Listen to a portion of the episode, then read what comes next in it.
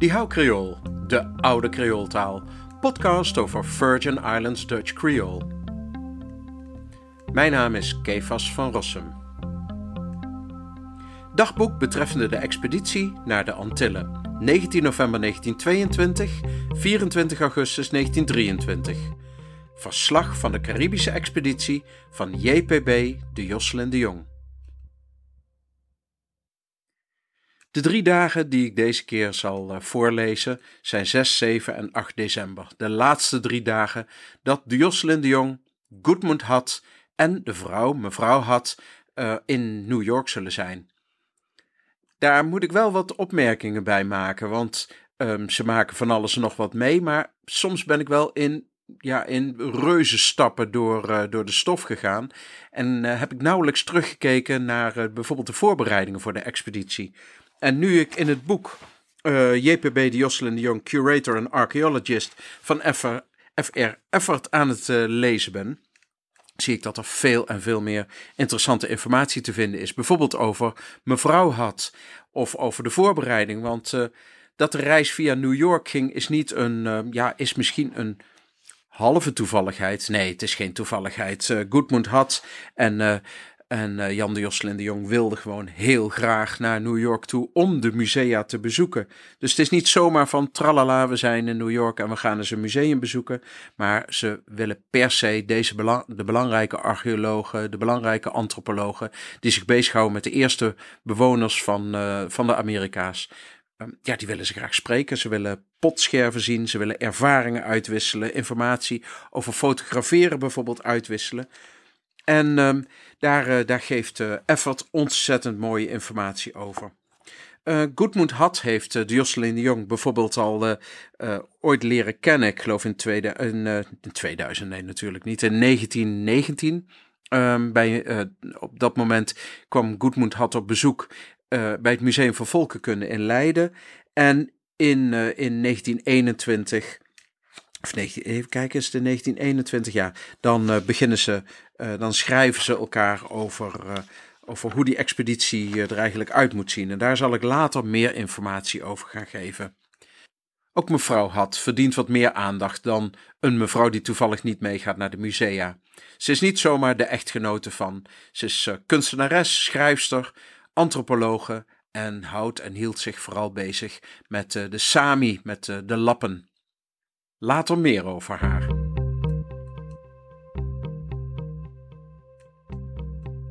Woensdag 6 december. Vanochtend na het ontbijt naar het Heijenmuseum. We maakten er kennis met Harrington, die zich zeer behulpzaam en welwillend betoonde hij liet de kasten voor ons openmaken, zodat we de nummers konden noteren van voorwerpen waarvan we foto's willen hebben. Had exploreerde de Virgin Islands, Puerto Rico, Santo Domingo en Jamaica en ik alle andere kleine eilanden en Venezuela. Boas telefoneerde om ons uit te nodigen om zeven uur met hem te eten in de Faculty Club in Columbia University en Hodge inviteerde ons om met hem te gaan lunchen in een restaurant in de buurt. Na de lunch doorgewerkt tot half vijf. Toen waren we zowat klaar. Uit St. Thomas zullen we Hodge een lijst uh, zenden van de specimen die we uitgekozen hebben en hij zal ons bij benadering de kostprijs van fotografische afdrukken opgeven. Ik zal dan Juinbol schrijven of ik ze voor het Leidse Museum kopen kan. Van het Heijen Museum nog even naar het American Museum of Natural History, waar we onze kaart van Santo Domingo haalden, die men gratis keurig voor ons had opgeplakt, en afscheid namen van Mead. Om zes uur kwam Goddard ons halen aan het hotel en per tram, Broadway, gingen we naar Columbia University, waar we ontvangen werden door Boas en een van zijn dochters.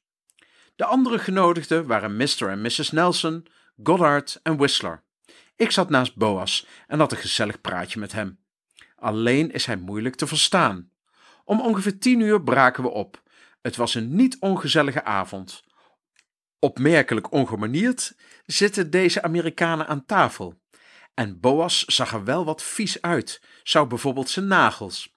Maar ze waren alle erg vriendelijk.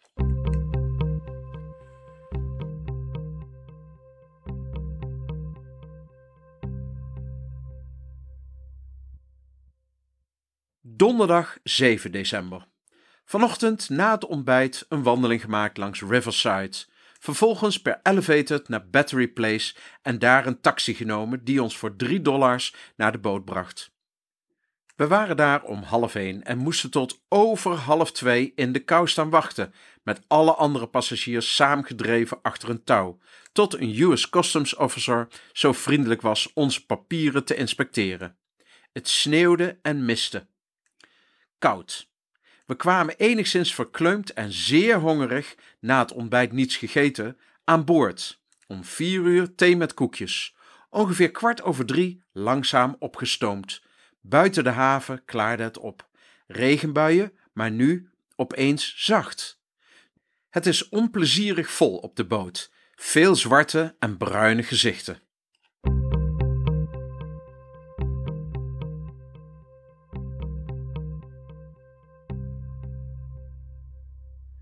Vrijdag 8 december. Onze nacht in de rookkamer was verre van aangenaam.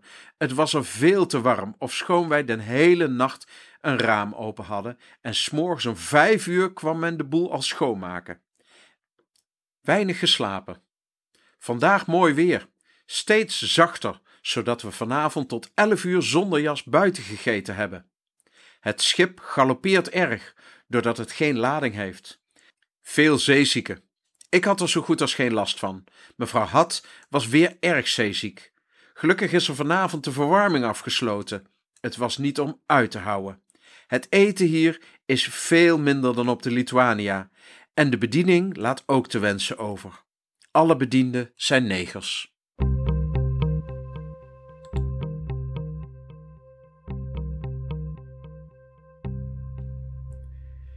Nou, het schip is vertrokken. Ze zijn onderweg, onderweg naar uh, St. Thomas. Uh, het bezoek aan New York zit erop. De reis over de Atlantische Oceaan zit erop. En uh, we gaan nu ja, eigenlijk naar het archeologische onderzoek op St. Thomas en later ook op de andere eilanden. Daar zal ik ook op terugkomen. Maar mijn aandacht gaat natuurlijk vooral uit naar het bezoek van de Jocelyn de Jong, het taalkundige onderzoek op, um, op St. Thomas en op St. John. Maar daar kom, ik, daar kom ik later zeker, ja, zeer uitgebreid op terug. Maar voor nu, nou, um, ik moet dan meteen een correctie maken. Aan het begin van deze aflevering zei ik dat ze elkaar eh, kenden uit 1919. Eh, maar Goodmund had die ontmoette in de vroege zomer van 1921 eh, de Jocelyn de Jong. Toen hij het, het Museum voor Volkenkunde in Leiden bezocht. En als ik ga kijken in hoofdstuk 4 van het boek van Effort, daar, daar wordt dat uitgebreid beschreven. En het is ook wel boeiend om te zien hoe de plannen gemaakt worden tussen deze twee, uh, tussen deze twee mensen. Uh, er wordt gekeken van, uh, ja, waar halen we het geld vandaan? waar, moet, waar moet al het materiaal naartoe als we uiteindelijk allerlei dingen hebben opgegraven? hoe kan het, als die organisatie de helft betaalt, betaalt de andere organisatie dan de andere helft? Nou, daar moet ik nog eens een keertje op ingaan, maar... Effort heeft dat uh, al zeer uitgebreid uh, beschreven. In het vijfde hoofdstuk van het boek um, uh, over de Jocelyn de Jong als archeoloog en curator, daar wordt ingegaan op de archeologische expeditie. En de eerste bladzijde daarover, die gaat over dit boekje, over deze, over ja, het dagboek dat ik nu aan het voorlezen ben. En eigenlijk gaat hij al heel snel over, over die, deze bladzijdes heen. Um, hij gaat niet stilstaan bij alle tussenliggende dingetjes. En hier staat bijvoorbeeld: On Thursday, 7 December, they left for the Virgin Islands. Six days later, they arrived at St. Thomas. Dus nou, die reis die komt er nu nog aan, die ga ik helemaal nog beschrijven. En hij geeft ook nog aan: During their stay in New York, Hutt and de Jocelyn de Jong first visited the American Museum of Natural History, where they met George Mead, Pliny Goddard, Clark Whistler, and Mr. and Mrs. Nelson. They studied the substantial Peruvian and West Indian collections and a nice group of Marayo pottery, as well as the other artifacts from Venezuela. Al dus uh, Efforts op uh, bladzijde 36 van zijn, uh, van zijn leuke boek. En ja, nu weten we dat er, dat er nog veel meer gebeurd is. Dat hij bijvoorbeeld ook Frans Boas, de grote antropoloog, ontmoet heeft. Dat hij naast hem heeft gezeten aan tafel. En al die kleine dingetjes die gezegd worden, al klinken ze niet altijd even aardig. of soms juist wel heel aardig natuurlijk. die horen er wat mij betreft ook bij. Die geven een mooie kleur. Ik ben niet de, hopelijk niet de Henk van de Meiden van de archeologie of antropologie of de linguïstiek, maar dit soort dit soort opmerkingen over hoe mensen met elkaar omgaan en wat ze de hele dag meemaken tijdens zo'n ex expeditie vind ik toch wel heel boeiend. Vooral later ook als het archeologische werk gecombineerd gaat worden met wat er nog meer kan gaan uh, gebeuren. Ik had het al eerder gezegd dat uh, Goodmund had en zijn vrouw daar uh, ja, dat zijn wel bijzondere mensen. Uh, op Goodmund Had kom ik, uh, nou alhoewel, ik kan misschien iets over hem vertellen. Goodmund Had, en ik kijk gewoon op Wikipedia en ik heb ook andere informatie. Ik heb ook informatie gekregen van het museum waar al zijn spullen terecht zijn gekomen. Daar zal ik nog een linkje naar plaatsen, maar die informatie zal ik later nog een keer verwerken. Maar je ziet hier professor Age Goodmund Had, 1 oktober 1884 en 7 en, en, overleden op 27 januari 1960, was een Deense uh, archeoloog en een uh, ja, cultureel antropoloog. En er wordt een heel verhaal verteld over wat hij deed in, de, in de vroege jaren, wat hij eigenlijk allemaal heeft gedaan. En vanaf 1919 uh, ging hij aan het werk bij het Etnografisch Museum, het Nationaal Museum voor Etnografie in, in, in Denemarken. En van daaruit was natuurlijk ook, was er zeker de interesse om naar het Caribisch gebied te gaan, naar de voormalige Deense kolonie, uh, ja, de Deense West-Indische eilanden, St. John, St. Thomas en St. Croix. Uh, de Jocelyn de Jong die gaat alleen naar St. Thomas en St. John, maar uh, Goodmund had, die zal later, en dat kunnen we niet meer volgen in dit dagboekje natuurlijk, maar die zal nog naar allerlei andere eilanden gaan. Via de website van het museum um, zag ik ook dat, die, dat zijn vrouw, Emily Demant, had Dement, Demand, ja, ik weet niet hoe ik het moet uitspreken. Dat is ook een beetje, dat is wel jammer. Emily Dement had, de vrouw van uh, Goodmund had, wat een bijzondere vrouw dat eigenlijk is. En uh, zij is geboren in uh, eh, 1873, ze is overleden in 1958. Um, en zoals ik hier zie op de site, ja, Wikipedia is uitgebreider dan de andere site die ik erover heb bekeken. Maar dan zie je, ze is een, een kunstenares, schrijfster, maar vooral ook, uh, zij houdt zich bezig met etnografie en met folklore. En bij folklore is zij gespecialiseerd in uh, de Sami people. Wij noemen dat, of de, de Sami in, uh, in, in Scandinavië natuurlijk, de Lappen. En daar, daar heeft zij onderzoek naar gedaan. Eigenlijk was ze opgeleid om kunstenares te zijn, maar eigenlijk in 1904 is ze met de trein naar het noorden van Scandinavië geweest. En daar ontmoette ze een, uh, een, ja, een Sami-wolfjager, Johan Turi, lees ik hier op Wikipedia. En zo ontstond op een gegeven moment de interesse in de Sami-cultuur. En daar gaat ze in verder. In 1907 begint ze met haar veldwerk. Ze werkt ook mee aan allerlei boeken hierover. Ze houdt ze gaat op veldwerk daar, ze verzamelt allerlei informatie. En uh, wat, wel, uh, wat wel leuk is uh, om te noemen in verband met hun bezoek aan New York, is dat ze in 1915 de Barnard Medal Award krijgt. En de Barnard Medal Award is een prijs voor, voor vrouwelijke onderzoekers van de Columbia University. En Columbia University, dat is natuurlijk precies die universiteit in New York, waar Frans Boas natuurlijk was en waar ze op een gegeven moment ook uit eten zijn geweest op een laatste avond in de Verenigde Staten. Dus nou, ze was er bekend. In 1940 krijgt ze de Arthur Hazelius medaille in Stockholm voor haar uh, onderzoek onder de Sami. En ook deze prijs is, uh, ja, is eigenlijk uh, heel prestigieus. Het is echt wel een belangrijke prijs. Die Arthur Hazelius is een bekende folklorist. En die uiteindelijk ook het Openluchtmuseum op het eiland Skansen in, in Stockholm heeft opgericht. Ik zal een link daarna plaatsen op www.diecreoltaal.com. Maar er worden zoveel namen genoemd en zoveel dingetjes dat ik eens even moet gaan kijken hoe ik dit het mooist kan aanpakken. Ik uh, leun vaak op uh, Wikipedia, maar er zijn nog allerlei andere sites waar ook informatie te vinden is. Als we dan even het, het, dagboek doornemen, dan zien we nog allerlei mensen die genoemd zijn. Natuurlijk hadden we Harrington, hè, en dat is Mark Raymond Harrington. En die Mark Raymond Harrington, is een specialist op het gebied van de oudste Amerikaanse uh, inwoners. En nou, ik heb de vorige aflevering al iets verteld over de peyote-ceremonie, maar daar ga ik nu niet meer op in. Maar waar, waar hij uh, voor uh, de Jocelyn de Jong en Goodmund Had belangrijk voor is, is dat hij op Cuba um, oude native Taino villagers heeft gevonden. Dus hij, uh, hij heeft opgravingen gedaan en daar heeft hij de oudste bewoners van Cuba gevonden. En daar hebben Goodmund Had en Jocelyn de Jong ook een, een boek over gekregen. Verder zien we dat ja, iemand anders die nu aan bod komt, is Frans Boas, die had en de Jong uitnodigde om, om te gaan eten op de laatste avond in New York.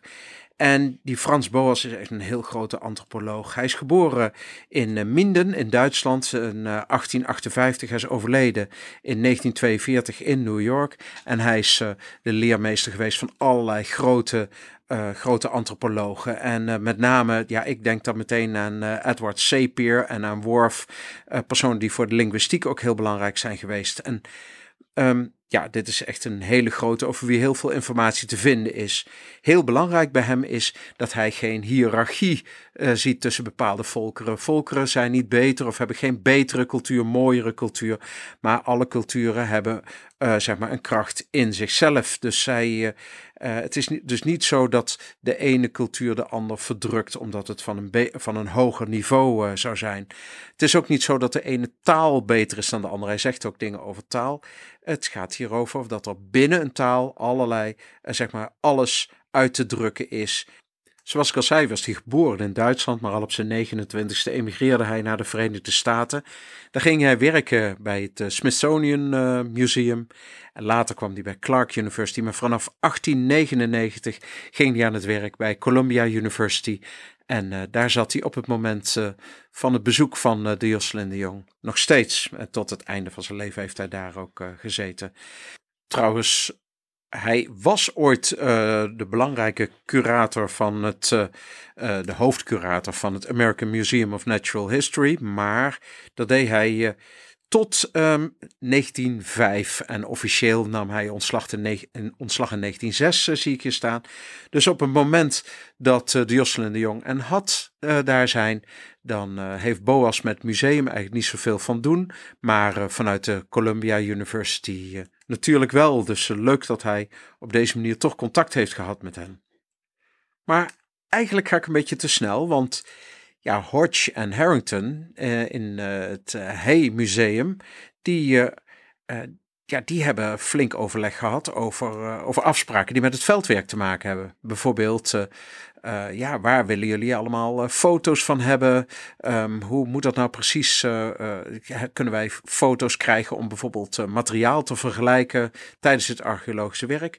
En je ziet dat uh, de Jocelyn de Jong, of je hoort dat de Jocelyn de Jong dan zegt: hierover moet ik contact hebben met Juinbol. En met Juinbol, daar wordt Hendrik Juinbol bedoeld. Hij is uh, geboren in 1867 en is overleden in 1945. En op het moment van dit dagboek werkte hij als museumdirecteur van het Rijksmuseum voor Volkenkunde. Hij is uh, de baas eigenlijk van de Jocelyn de Jong. En met hem moet hij contact hebben over eigenlijk nou, alles wat met kosten te maken heeft. Al moet ik wel zeggen, in het boek van Effort lees ik wel van alles over de kosten. En daar zal ik hopelijk later nog een keer op terugkomen. Wat, maar wat heel belangrijk is, is dat de Jocelyn de Jong verlof moet krijgen. En in het boek van, uh, van Effort staat op bladzijde 29 en 30 een citaat uit een brief van uh, de Jocelyn de Jong aan Had. En daar zegt hij uh, ja, over zijn contact met Juinbol. I do not think he will be interested whether, uh, whether or not I go on a leave for nine months. And what I will be doing in those nine months will interest him even less. Dus meneer Juinbol, uh, de, zijn baas Hendrik Juinbol, die heeft zijn eigen dingen. Hij is gespecialiseerd in oud-Javaanse taal en cultuur, alles wat met Indonesië te maken heeft. En uh, hij komt later nog wel aan de orde, want allerlei uh, dingen die met kosten te maken hebben, wat ik al zei, die moeten met, uh, met Juinbol overlegd worden. Tijdens de expeditie volgens mij niet, maar als ik, uh, als ik eens wat dingen ga noemen over hoe de expeditie uiteindelijk gefinancierd is, dan komt hij zeker nog aan bod. En dan komen we aan bij, ja, bij de overstap naar, naar het schip, naar St. Thomas. Dus Het schip is overvol, zo zien we. Hartstikke druk, ze moeten lang wachten. Het mist en het sneeuwt. Het is natuurlijk al uh, 7 december. En um, ja, de kachel die staat veel te hoog en het is verschrikkelijk vinden ze daar. Het schip galoppeert. Ik had dat nog nooit gehoord in verband met schepen, omdat het geen lading heeft, maar er zijn ontzettend veel mensen aan boord. Um, wat heel erg opvalt, en helemaal in deze tijd, zijn natuurlijk de opmerkingen van de Jocelyn de Jong over de kleur van de mensen. Dus dat hij zegt veel bruin, veel zwart. Alle bedienden zijn negers. Maar um, in in die tijd uh, zie je het wel vaker voorkomen in dagboeken of in verslagen. Dat er verwezen wordt naar, uh, naar huidskleur van mensen. En ik denk dat dat uh, vooral ermee te maken heeft dat, ze, dat deze personen in Nederland bijvoorbeeld nog maar weinig te zien waren. Um, dit zegt niks. dat heeft geen racistische achtergrond als we kijken naar de Jocelyn de Jong. Als je ziet naar hoe hij spreekt over zijn, over zijn uh, collega's, uh, zijn werknemers op Sint Thomas, op Sint John, op de bovenwindse Nederlandse Antillen. Dan zie je juist dat er heel veel respect van uitgaat. En ook zijn informanten, die later ook hem de Nederlandse creooltaal zullen leren, daar, die noemt hij ook mijn leermeesters. En daar zal ik zeker op, op terugkomen. Maar daar zitten ze dan, op het schip waarvan ik de naam dus nog niet weet. Um, Emily Demand had, Goodmund had en Jan de Josselin de Jong. Ze zijn aan boord van het schip. En ja, ik heb het net al verklapt. ze gaan er zes dagen over doen om op Sint Thomas te komen. En dan gaat het echte werk beginnen. Het echte werk op archeologiegebied. Maar ik hou natuurlijk altijd in het achterhoofd. En later zal het echt een hoofdrol gaan spelen op taalkundegebied, hè, op het gebied van het verzamelen van verhalen en woorden in het Virgin Islands Dutch Creole. Zo, het schip vaart door en uh, wij sluiten het voor deze keer uh, af.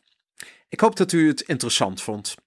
Er zijn heel wat aspecten die aan bod komen die eigenlijk veel uitgebreidere noten, veel uitgebreidere informatie uh, zouden, zouden moeten hebben.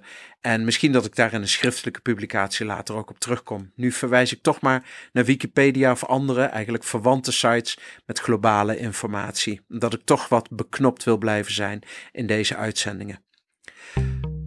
Mocht u nog tips hebben voor mij, of vragen of opmerkingen over wat dan ook gerelateerd aan het Virgin Islands Dutch Creole, neem dan alsjeblieft contact met mij op via mijn website www.diecreoltaal.com. Ik hoop volgende week weer een nieuwe aflevering te kunnen maken en met een beetje geluk komen we dan ook werkelijk aan op Sint Thomas. Hartelijk bedankt voor het luisteren en hopelijk tot volgende week.